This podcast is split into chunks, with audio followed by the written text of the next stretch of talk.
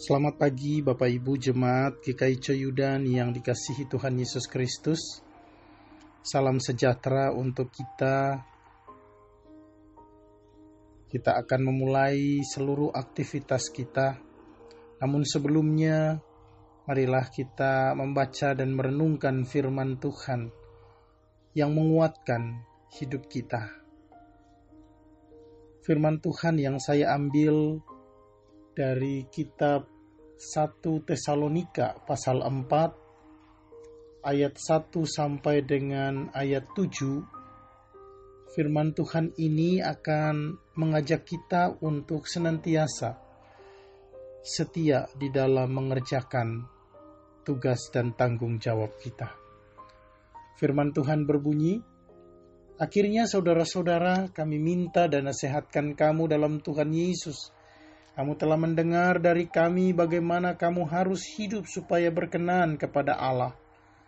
Hal itu memang telah kamu turuti, tetapi baiklah kamu melakukannya lebih bersungguh-sungguh lagi. Kamu tahu juga petunjuk-petunjuk mana yang telah kami berikan kepadamu atas nama Tuhan Yesus.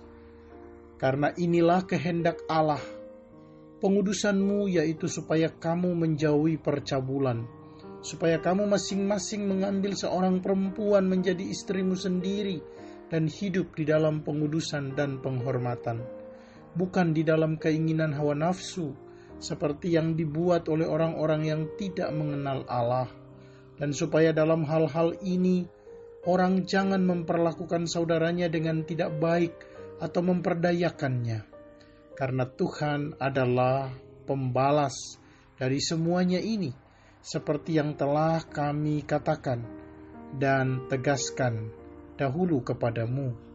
Allah memanggil kita bukan untuk melakukan apa yang cemar, melainkan apa yang kudus.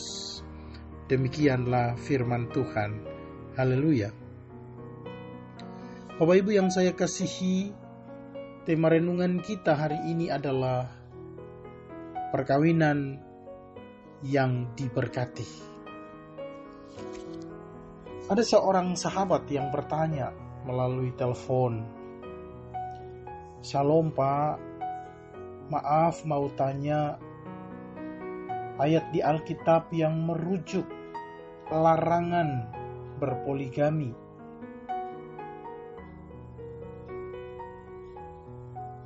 Itulah pertanyaan dari seorang bapak kepada kami. Memang persoalan poligami ini masih terus dipertanyakan, walau sesungguhnya hukumnya jelas.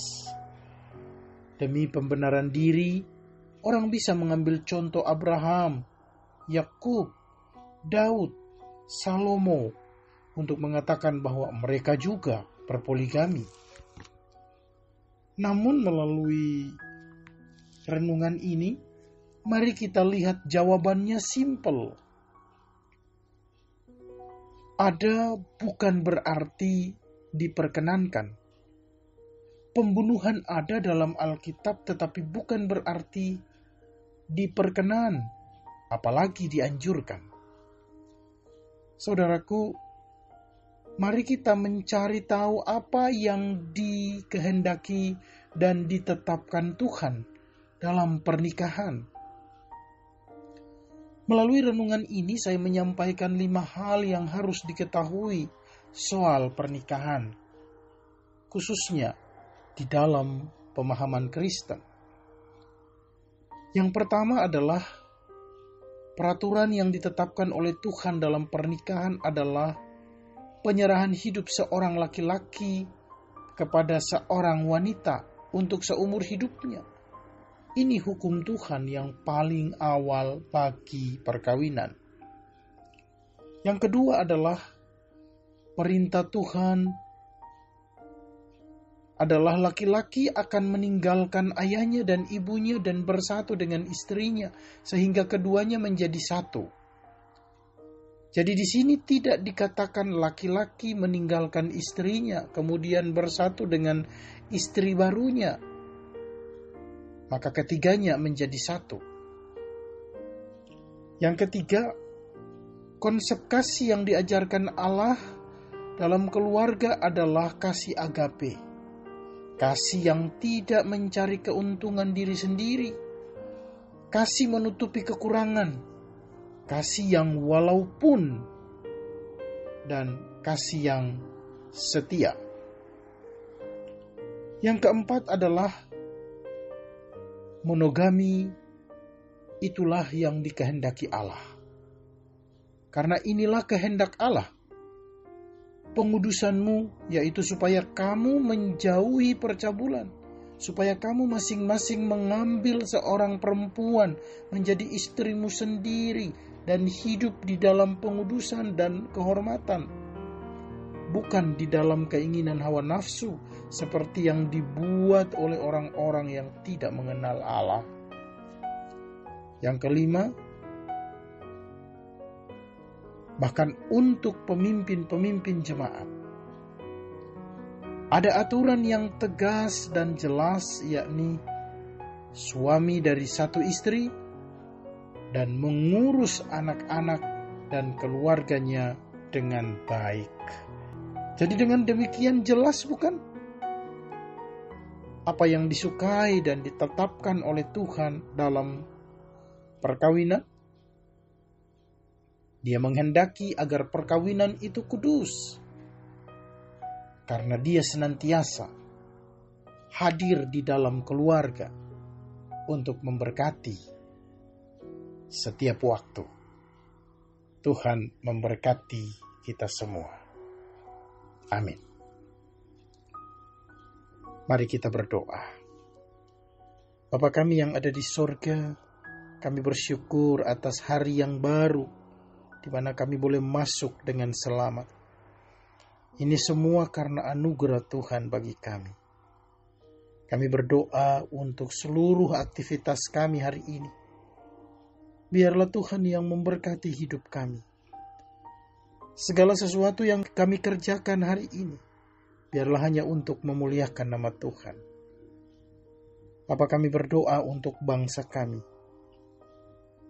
ketika kami boleh merayakan ulang tahun yang ke-75. Kami percaya bahwa Tuhan memberkati bangsa kami. Berkati juga pemerintah kami di dalam setiap karya-karya mereka. Biarlah bangsa ini semakin maju dan kami dapat mengatasi penyebaran COVID-19 ini. Terima kasih ya Allah, berkatilah gereja kami di dalam penata layanannya. Apa pun yang menjadi kegiatan kami, program kami, Tuhan tolong kami untuk mengerjakan semuanya itu dengan penuh kasih agar nama Tuhan dimuliakan. Kami berdoa untuk setiap keluarga di GKI Coyudan Tuhan Engkau selalu memberkati dan menyertai. Dalam kehidupan pribadi maupun rumah tangga, Tuhan Engkaulah alasan kami bersuka cita. Berkatilah pekerjaan kami, berkatilah usaha kami, dan melalui semuanya itu, kami senantiasa menjadi saluran berkat bagi orang-orang di sekeliling kami. Terima kasih ya Allah kami mau menyerahkan kehidupan kami hanya di dalam tangan pengasihanmu. Di dalam nama Tuhan Yesus kami berdoa dan mengucap syukur. Amin.